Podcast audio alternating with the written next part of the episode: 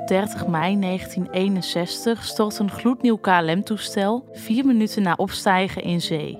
Niemand overleeft de klap. En later besef je pas dat er heel weinig over is bekendgemaakt. Dit is een verhaal over botsende belangen. Het lijkt wel een betonnen muur waar je niet doorheen komt. De wil om te accepteren en toch altijd blijven zoeken. Alles wil je weten.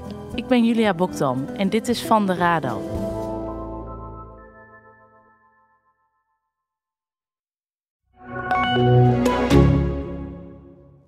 In deze podcast komt het onderwerp zelfdoding voor. Praten over gedachten aan zelfdoding kan anoniem. Chat via 113.nl, bel 113 of bel gratis 0800 0113. In de vorige aflevering. Verdachte heeft haar zinnen op de miljoenen van Ginwis gezet. En die miljoenen van Chris, die dreigen in gevaar te komen. Op 5 oktober, dat is dan de dag dat eh, Chris uiteindelijk bij de notaris zit om zijn testament te veranderen. En dat hij ook als enige erfgename uh, wordt benoemd. En u appt dan naar uw dochter, hopelijk komt het goed. De officier heeft ook met zoveel woorden gezegd dat die laatste ruzie misschien wel eens de directe aanleiding voor haar is geweest. Dat ze in paniek is geraakt van ja verdikke me, nou gaat hij me direct onterven. En dan, uh, ik moet snel zijn, want anders dan uh, kan ik mijn huis straks niet meer verbouwen. Dan raak ik al uh, toekomstige rijkdom kwijt. Dit is aflevering 6 van De Gifdoden. Een podcast van BN De Stem, Brabants Dagblad, TAD en de aangesloten regionale dagbladen. Ik ben René van Heteren. Tijdens de dik 10 uur durende zitting op donderdag 7 september zet het Openbaar Ministerie tot in detail uiteen waarom Yvonne K. volgens hen de gifmoordenares is van Chris Grinwis. En Yvonne werd uren bevraagd door zeer kritische rechters die niet veel leken te geloven van Yvonne's theorie dat Chris zelfmoord pleegde. Hè, dat suïcidale, wat u zegt, ja, ik heb dat eigenlijk nergens anders gelezen. Alleen eh, dat u dat zegt. Maar verder zie ik nergens anders een uiting van hem dat hij het leven niet meer zag zitten. Ja. Hè, ook meerdere afspraken. De hele pedicure was volgepland voor het jaar daarna. Die cd die was besteld. Ook met de supermarkt had hij afspraken over een kastje daar. Dat kwam dan na de feestdagen. Dat was prima, zei Chris. Klopt. Dat past allemaal niet in plannen om ermee te stoppen. Mag ik niet op ingaan. U mag daar niet op ingaan. Maar op 11 september, de tweede zittingsdag, is het de beurt aan Yvonne's advocate Esther Vroeg met haar pleidooi. Bestelling bij de frietent, zie de pingegevens, het kijken van de persconferentie, het tijdstip van weggaan bij de woning naar Halsteren, de reis naar Tilburg, maken dat vastgesteld kan worden dat cliënten vanaf 20 uur 32 niet meer aanwezig was in de woning van Grinwis. En tevens kan worden afgeleid uit de verklaring van de dochter van cliënten dat Grimwis kort voor het moment dat de cliënt in de auto stapte nog aan de telefoon kwam en door het gesprek heen praatte, dus in leven was. René, Hessel en ik zijn er natuurlijk weer bij. Ze drukt op de punten waar ze, waar ze moet drukken op, uh, als advocaat. Van waar, waar de, de Achilleshiel in het hele betoog van het OM is natuurlijk van hoe is het nou precies gebeurd met die vergiftiging? Wanneer is het gebeurd? Hoe is het spul in zijn lijf gekomen? Ze zeggen zelf al dat ze dat niet weten. Nou, dan is het logisch dat een advocaat, en Esther vroeg kent het klappen van de zweep, die gaat daar op focussen. Dat is, dat is heel logisch. Je moet eigenlijk aantonen dat het scenario dat het OM hanteert, dat dat eigenlijk helemaal niet zo logisch is. Nou, dat heeft ze in elk geval geprobeerd. En Yvonne zelf, die krijgt op zitting het laatste woord. Mijn leven is ongewild van me afgenomen. Ik heb het niet gedaan. Ik heb Chris niet vergiftigd, zelfs geen hulp bij zelfdoding gegeven en ik heb ook geen informatie bij hulp bij zelfdoding gegeven. Zometeen veel meer uit het pleidooi van Esther Vroeg en de laatste woorden van Yvonne. Maar eerst een klein stukje terug in de tijd. Want de podcast en alle verhalen in de krant hebben nogal wat losgemaakt. De afgelopen weken krijgen Hessel, René en ik veel berichten van mensen die ooit in hun leven iets te maken hebben gehad met Yvonne K. De meesten willen alleen maar anoniem met ons praten. Maar er waren twee mensen die dachten: nu moeten wij met ons verhaal naar buiten komen. En dat zijn twee van de drie dochters van John Boom. Dat is dus die eerdere vriend van Yvonne, die na een hersenbloeding suïcide gepleegd zou hebben. Maar zijn dochters hebben altijd vraagtekens gezet bij zijn dood. Je hoort eerst Amber, de jongste in huis. Daar hebben wij natuurlijk de afgelopen week ook heel veel over, over gepraat en gedaan. En uh, hè, deze stap om te zeggen van hè, we gaan uiteindelijk toch maar eens uh, praten. Want ja, naar aanleiding van de podcast vonden wij toch wat dat hmm. het überhaupt tijd werd om in elk geval te reageren op wat puntjes. En ook wat vragen die jullie stelden. Is de dood van John onderzocht? Uh, nee dus. Nee, nee. En zo waren er meerdere dingen dat we dachten, oh, daar moeten we op reageren. En het was ook heel duidelijk van oké, we gaan dus reageren. Met wat voor doel? Krijgen we papa terug? Nee. Ons doel is echt, het mag gewoon nooit meer gebeuren. Die persoon heeft zoveel leed in ons leven veroorzaakt. In die familie Grinwis. God weet waar nog meer ze leed heeft veroorzaakt. Waar ze een wig heeft proberen te drijven bij gezinnen. En wij willen er gewoon alles aan doen met onze mogelijkheden. Om te verzorgen dat ze nog van nu in die rechtszaak die nu komt. Dat daar gerechtigheid uitkomt. En dat is ons doel dat wij hier nu zitten. Nadat John is gescheiden van hun moeder, komt Yvonne K. vrij abrupt in hun leven als de nieuwe vriendin van hun vader. Na een hobbelig begin proberen ze er het beste van te maken, vertelt Noelle. Barbecues, uh, etentjes, uh, wandelingen. Het, het startte eigenlijk gewoon hartstikke gezellig.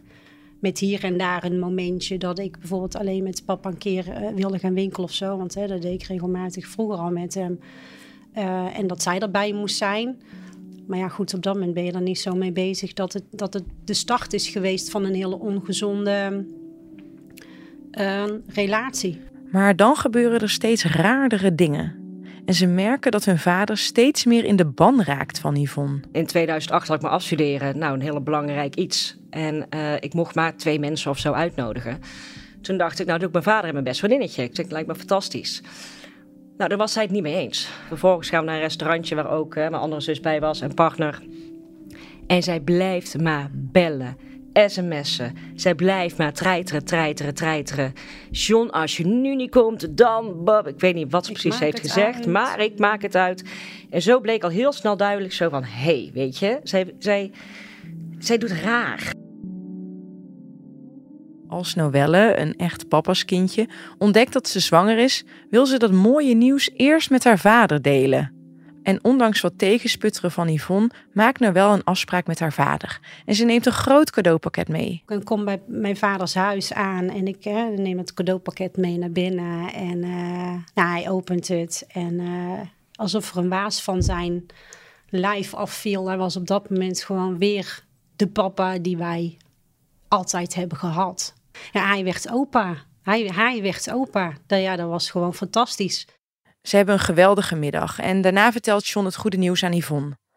En dat valt niet in goede aarde. Ik denk dat ik uh, nog geen tien minuten later uh, een schreeuwende Yvonne aan de telefoon had, zodat ik het in mijn hoofd kon halen om dit te vertellen zonder dat zij erbij was. En als jij uh, mij niet accepteert in je vaders leven, wat voor acceptatie heb je dan van je vader in je leven? En belachelijk. En je krijgt, wij, wij willen jouw, jouw kind nooit zien. En ik zou ervoor zorgen dat je vader je kind nooit komt te zien. En het was heel naar.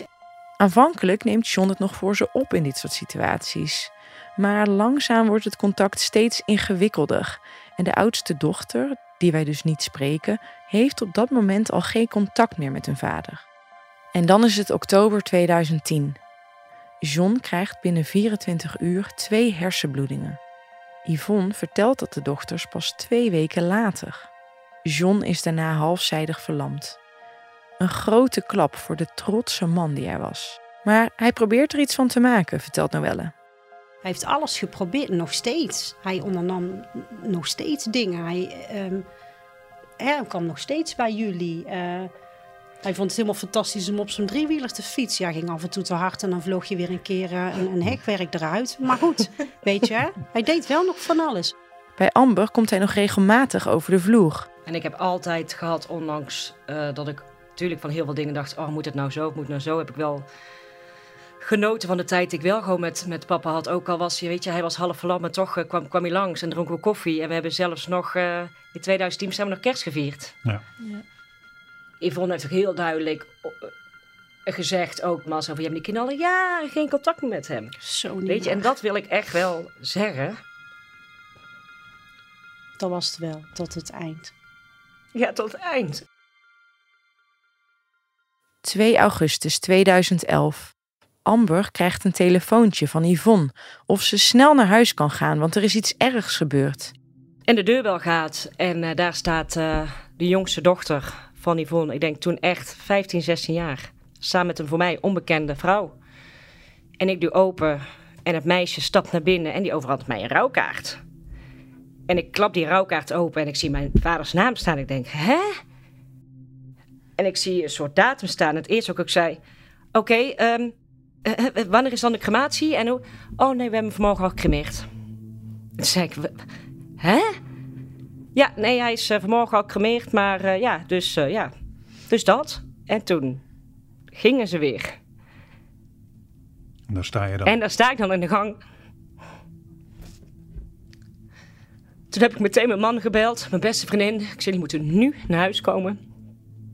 Die zijn geweest, gekomen meteen. En dan heb ik natuurlijk nog zussen en een moeder. Want je hebt uiteindelijk je zus gebeld met de vraag van... kom langs, want ik heb iets te vertellen. Ja, ik zei, kun je ja. langskomen? Toen zei ze, nee, ik ga naar de Efteling. Ik zeg, nee, je moet even langskomen. Nee, ik ga naar de Efteling. Ik zei, kom ik snel een kopje koffie doen? Ik ga naar de Efteling. Oké, je moet langskomen, punt. Je moet. Is er iets ergs? geweest? Ja. Ja, en ik loop naar binnen. Ik heb mijn jongste op mijn arm. Eh, en Amber die zegt, geef eventjes eh, de jongste even aan jouw man. En ehm, ze gaat voor mijn neus staan en ze heeft zich elkaar in de handen. Ja, dan stort je gewoon. Hetgeen wat je ziet is gewoon je vader. En dan is het echt binnen 30 seconden. Ja, hoe dan? Suïcide. Suïcide? Hoe dan? En de ja, dit is al gecremeerd. En eh, dat zie je op tv. Weet je, dat mensen tuinen instorten en alleen maar kunnen huilen. En gewoon niet meer weten waar dat ze het moeten zoeken. Zo onmenselijk. Zo. Dan sta je dan met z'n tweeën. Een dag later plaatst Yvonne die rouwadvertentie in de krant. Ik las er al uit voor in aflevering 3.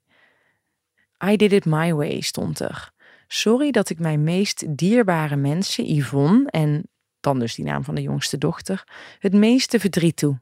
Mijn uitdrukkelijke wens, een crematie in bijzijn van mijn dierbaren, heeft al plaatsgevonden. De namen van Johns eigen dochters worden niet genoemd. Nee, je wordt dan gekwetst door al op zo'n manier achter te komen dat je vader dood is. Op zo'n gruwelijke manier. Vervolgens is je al gecremeerd. En vervolgens wordt het even in de krant geplaatst. Alsof het En, en, niks en is. moeten wij alle mensen te woord staan? Ja, het is onze vader. Oh. Ja. Ja, ik sta verschut, het is onze vader. Weet je, terwijl ik... En dat is zo... Dus je krijgt eigenlijk gewoon tik na tik na tik na tik. Het is, gewoon ja, niet te bevatten waar wij in terecht zijn gekomen toen de tijd. Niet te bevatten. Maar eigenlijk is dit nog maar het begin. Want als Amber twee dagen later bij Yvonne langsgaat, krijgt ze een afscheidsvideo te zien die John zelf opgenomen zou hebben. En er blijkt een foutloos geschreven afscheidsbrief te zijn, terwijl John na zijn hersenbloeding moeite had met schrijven. In die video en die brief rept John met geen woord over zijn drie dochters, zijn ex-vrouw of zijn eigen familie. En dan ontvangen de zussen een zakelijke brief van Yvonne. Ze zijn onterfd en Yvonne is de enige erfgename. En later ontdekken ze dat twee weken voor zijn dood 45.000 euro is opgenomen van Johns rekening. Wij hadden zoveel vragen van waarom eh, is, is papa eh, al gecremeerd zonder dat wij het wisten? Waarom mochten wij geen afscheid nemen? Die man is zaterdag overleden. Dinsdagochtend was zijn lijf er al niet meer. Hè? Dus dit is zo'n korte periode dat je ook denkt van nou... En ook hoe ze met ons omging in de tijd daarna. En het was vooral inderdaad mijn oude zus die daar zoveel vraagtekens bij hebben gezet van... Weet je, je gaat niet zo naar politie stappen. Hè? Van hé, mijn vader heeft zogenaamd zelfmoord gepleegd. Maar ze doen het wel. Na lang wikken en wegen stapt Noelle samen met haar oudste zus naar de politie om aangifte te doen. En eigenlijk krijg je dan alleen maar te horen van ja, weet je, er- hij is gecremeerd. Wij kunnen gewoon niks voor jullie betekenen. Maar we zullen een notitie maken, een aantekening. En als eh, haar naam ooit weer eh, oppopt, dan weten we jullie te vinden. Was dat teleurstellend op dat moment voor jullie, de, die houding van de politie? Ja. De jaren erna leven ze zo goed en zo kwaad mogelijk door. Ze proberen het achter zich te laten, maar Yvonne laat hen niet met rust. Af en toe sms't of appt ze nog, zo ook in 2018. Ouder Blue kreeg een appje van haar. En ik lees eigenlijk nooit appjes, want als ik aan het eten ben, dan vind ik hem niet zo interessant. Maar ik denk, zij, 2018, wat moet ze nou weer? Dus ik open het appje. Ik pak hem er gewoon bij. En dat is een appje van dat ik mijn vader zie in de kist, in zijn pyjama, met haar kaart vast. Deze foto kreeg ik in één keer out of the blue.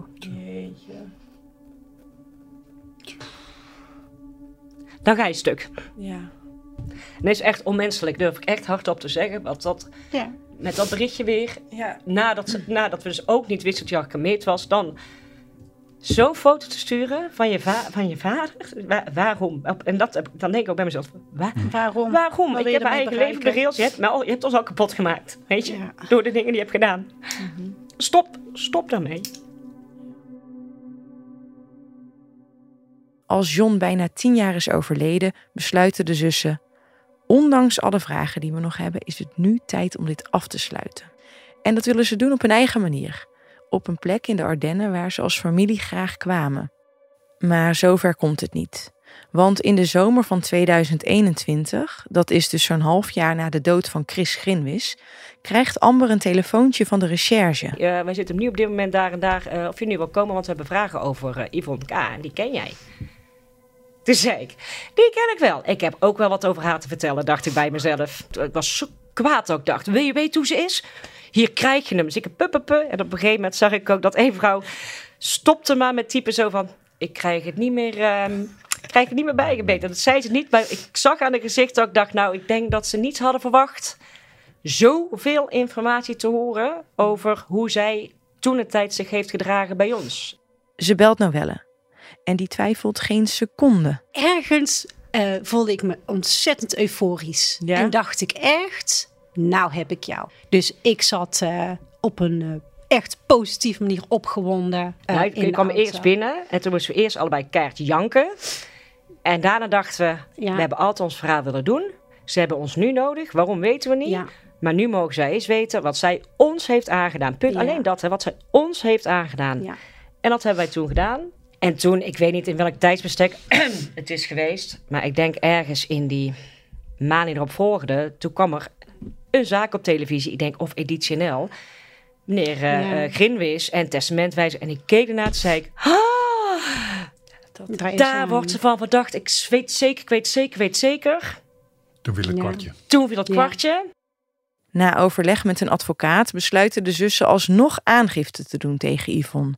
Voor moord op of hulp bij zelfdoding van hun vader. Tuurlijk wil ik dat ze bestraffen voor papa. Maar weet je, ik weet, wij zijn niet, niet gek hè. Het is twaalf jaar geleden, die man was al gecremeerd. Er is niks meer hè. Ja. Dat is natuurlijk eh, ongelooflijk lastig om daar nog iets mee te kunnen doen. Maar ons doel voornamelijk was ook gewoon...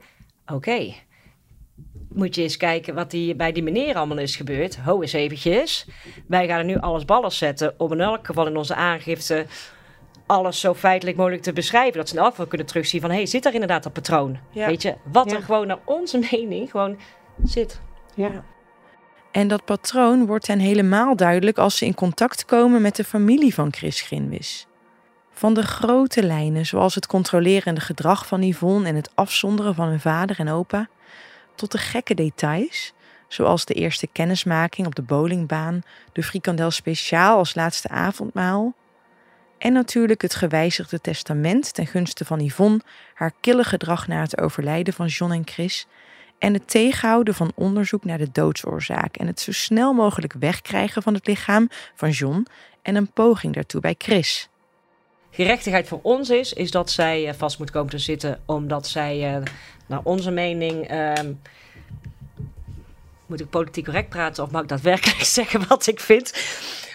Ja, ik weet je, ik, ik ben ervan overtuigd eh, dat zij betrokken is geweest bij de zelfmoord van mijn vader. En ik ben ervan overtuigd dat de persoon dit ook bij een Chris Gimmers heeft kunnen doen. Ben ik heilig van overtuigd. Maar ik ben geen rechter, dus ik mag er eigenlijk geen uitspraak over doen. Maar is de overtuiging er? Bij mij absoluut. Bij mijn zus absoluut. En met mij vele mensen. Maar de papa die wij kennen, hadden ze nooit zomaar op deze manier achtergelaten.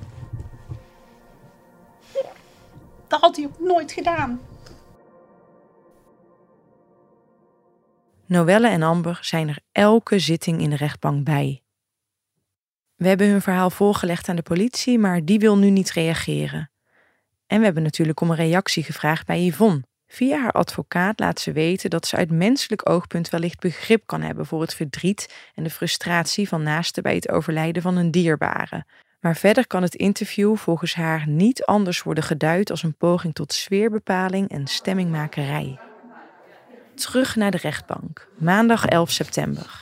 Yvonne lijkt nog een stukje kleiner dan de week ervoor. Ze maakt zich haast onzichtbaar. De publieke tribune zit vol en achter ons in de zaal zit de familie van Chris en Mia weer. Yvonne's advocaat Esther Vroeg begint als altijd vol energie aan haar pleidooi. Ja, dank u wel, meneer de voorzitter. In het College, geachte officieren van justitie, griffiers en aanwezigen. Nou, deze week vond dan eindelijk de climax, de apotheose plaats in een langslepende, zeer belastende vervolging en strafzaak tegen mevrouw beschuldigd van moord op haar geliefde. Een horrorscenario. Uitvoerig zijn de afgelopen maanden, zelfs jaren, de beschuldigingen aan het adres van cliënten besproken en in kaart gebracht. Of zij feitelijke, actieve, ja opzettelijke betrokkenheid heeft gehad bij zijn overlijden, dus dat door haar toedoen hij is vermoord, is de cruciale vraag. Het is zwart of wit en mevrouw kan ook niet een beetje schuldig zijn. Mevrouw is afgelopen donderdag inktzwart weggezet en het bewijs werd gepresenteerd als vaststaand en uh, niet voor discussie mogelijk. De vraag is of dat, dat inderdaad het geval is, of dat er hele vele tinten grijs in het dossier zijn te vinden.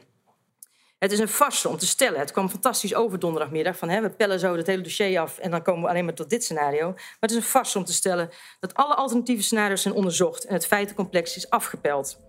Essentiële zaken zijn domweg gewoon niet onderzocht. Hessel. Waar zij op drukt is dat het onderzoek niet uitputtend is geweest. En dat is in een zaak waarin je de smoking gun niet hebt. Ja, was dat toch misschien wel uh, beter geweest.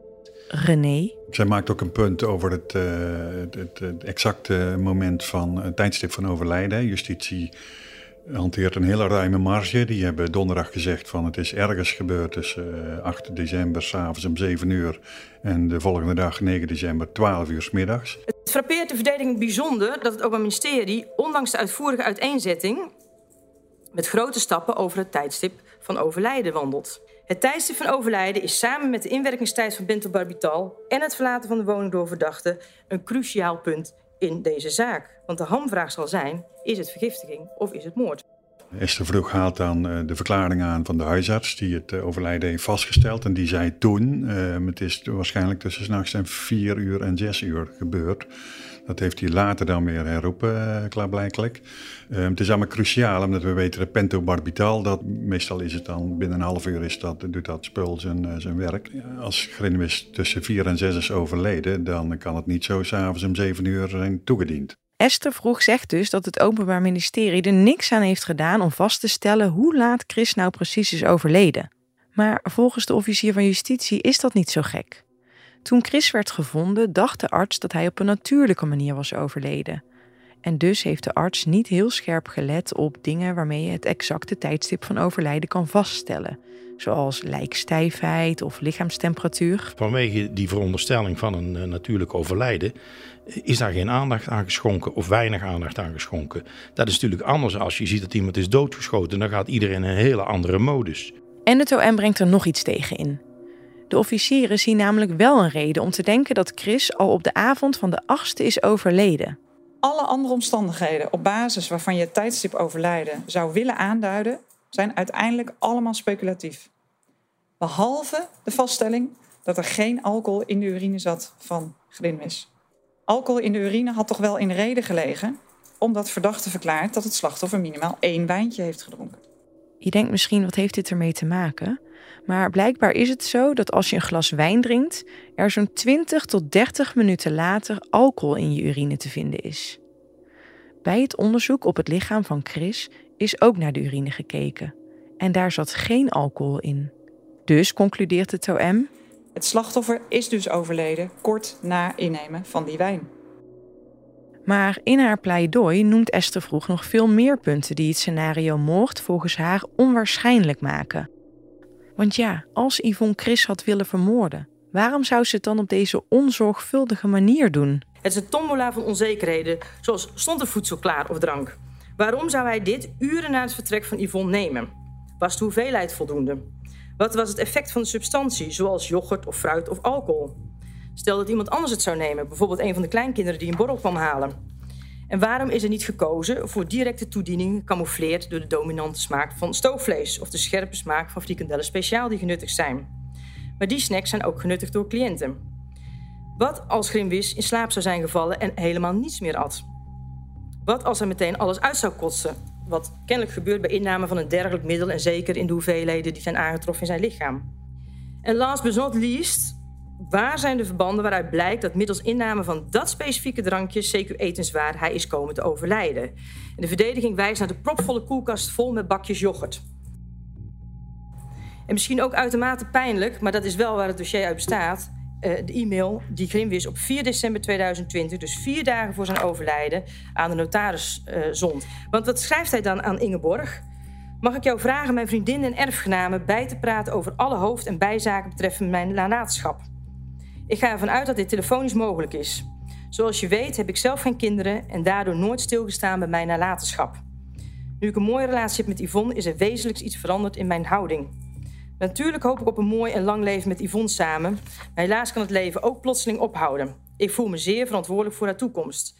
Ja, ik zou dan zeggen dat getuigt toch meer van iemand die nog uh, vol in het leven staat en van wil genieten. Nou, ik denk juist wat frappant. Dat nou, precies.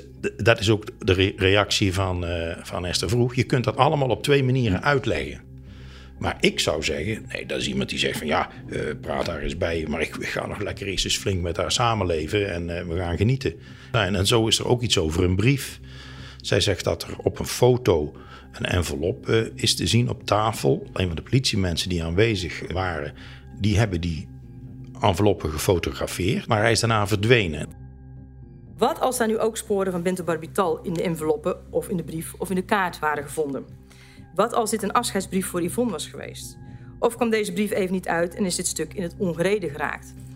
Maar het is nauwelijks voorstelbaar wat dit betekent voor cliënten. Stel dat dit de afscheidsbrief was die haar nog een laatste herinnering en mogelijke uitleg had gegeven door Chris. En een brief die haar volledig zou vrijpleiten van de moord op diezelfde Chris. De rechtbank heeft gehoord dat het Openbaar Ministerie stelt dat zo'n brief er simpelweg niet is en schoffelt deze feitelijke gang van zaken gewoon weg. En zonder verantwoordelijkheid willen nemen voor deze immense omissie. Het is volgens Esther Vroeg bij al die dingen dus maar net met welke bril je ze bekijkt. Is Yvonne schuldig of niet? Ja, en wat gelooft u dan? Wat wordt gevoed door de samenstelling van het dossier, uw indruk van cliënt op zitting en uw onderbuikgevoelens? Het stereotype beeld was al geschetst en kreeg overal bevestiging. Daarbij speelde ook nog dat ze zich als een ware engel des doods bezighield met levensbeëindiging, suïcide, euthanasie, zelfmoordmiddelen, etc. Het morbide beeld van cliënten kreeg steeds meer handen en voeten. Maar draait het eens om. Een vrouw met haar kennis en expertise en kennelijke ingangen had dit toch veel bekwamer aangepakt. Ze zou op de hoogte zijn geweest van de juiste hoeveelheden, afgestemd op het gewicht en aan de hand van belangrijke passages uit het boek Uitweg had zij dan de ideale cocktail samengesteld zonder overal sporen achter te laten. Als cliënten zo berekenend calculerend zou zijn, gewetenloos, dan had ze gewacht tot haar woning het paleisje was geworden wat Chris haar had beloofd. En had ze ook aangedrongen op een huwelijk. En dus Chris stond daar wel voor open. Hetgeen natuurlijk de nodige, zeer positieve consequenties zou krijgen in de successierechtensfeer. Wie gaat haar sugar daddy vermoorden die haar ook nog eens een flinke maandelijkse toelage geeft, een auto en haar huis voor diverse tonnen verbouwt? Brengt mij tot de eindconclusie. Het Openbaar Ministerie heeft zich tot het uiterste ingespannen om het in haar visie enige scenario inhoudelijk cachet te geven. Namelijk dat Yvonne na kalm en rustig beraad opzettelijk Chris Grimwis om het leven heeft gebracht middels vergiftiging. En de centrale gebeurtenis is het overlijden. De vergiftiging, de moord, de zelfmoord. En de context is uitvoerig geschetst. Namelijk een inhalige verzorgster die direct haar pijlen op een vermogende, intens verdrietige man heeft gericht en geprobeerd heeft om er met de nalatenschap vandoor te gaan. En dit verhaal leek ook consistent, compleet en plausibel te zijn. En de verdediging heeft getracht elk element dat als vaststaand en als waarheid is gepresenteerd terug te brengen naar de kern.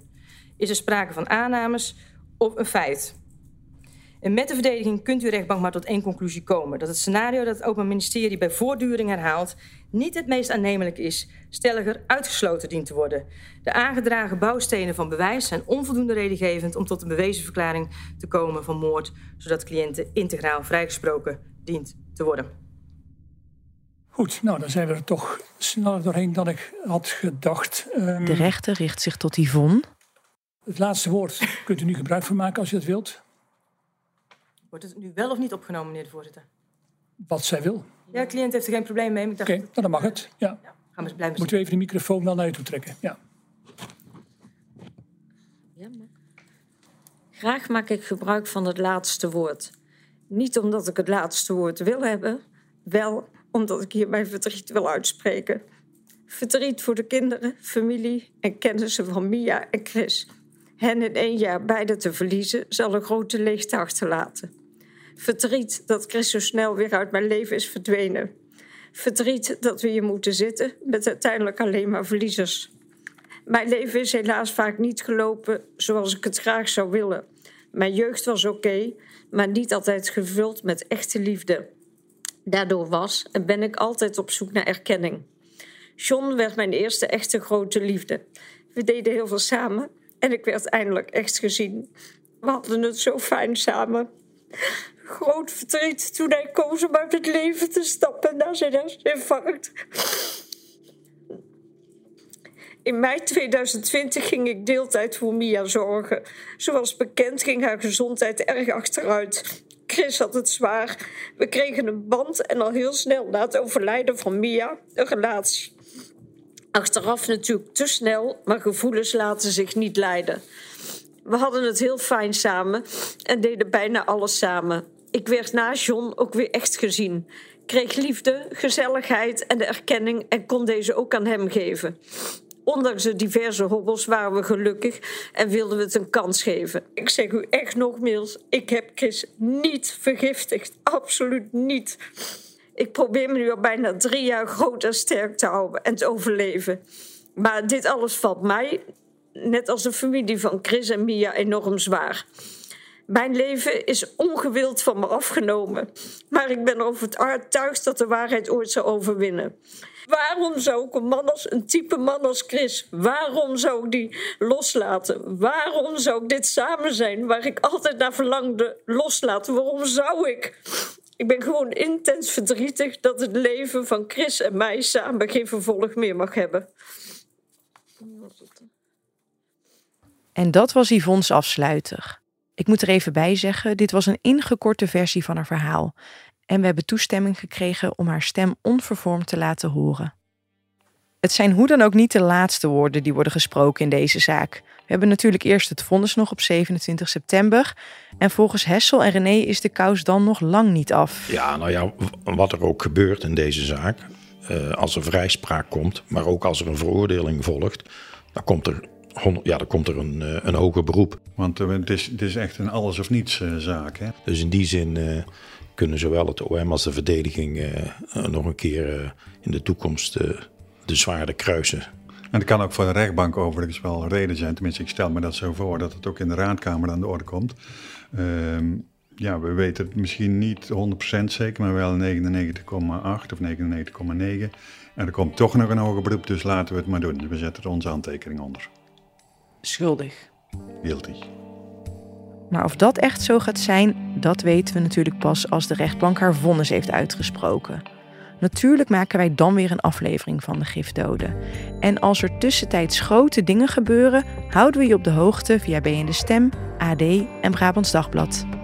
Dit was aflevering 6 van de Gifdoden, een podcast van Brabants Dagblad, BN De Stem, AD en de aangesloten regionale dagbladen. Ik ben René van Heteren en ik maak de podcast met Hessel de Ree en René van der Lee.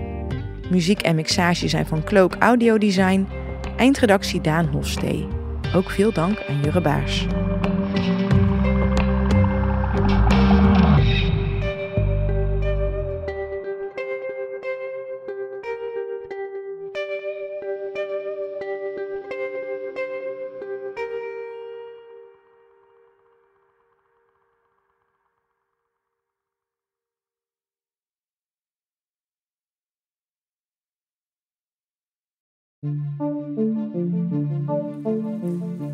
Ik bedoel het niet vervelend hoor.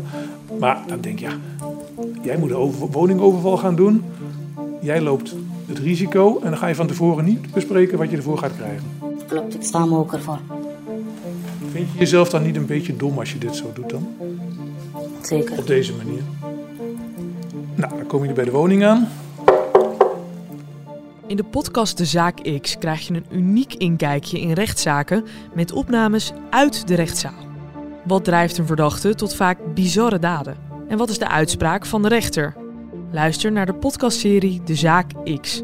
Ga naar je favoriete podcast-app of naar ad.nl/slash dezaakx.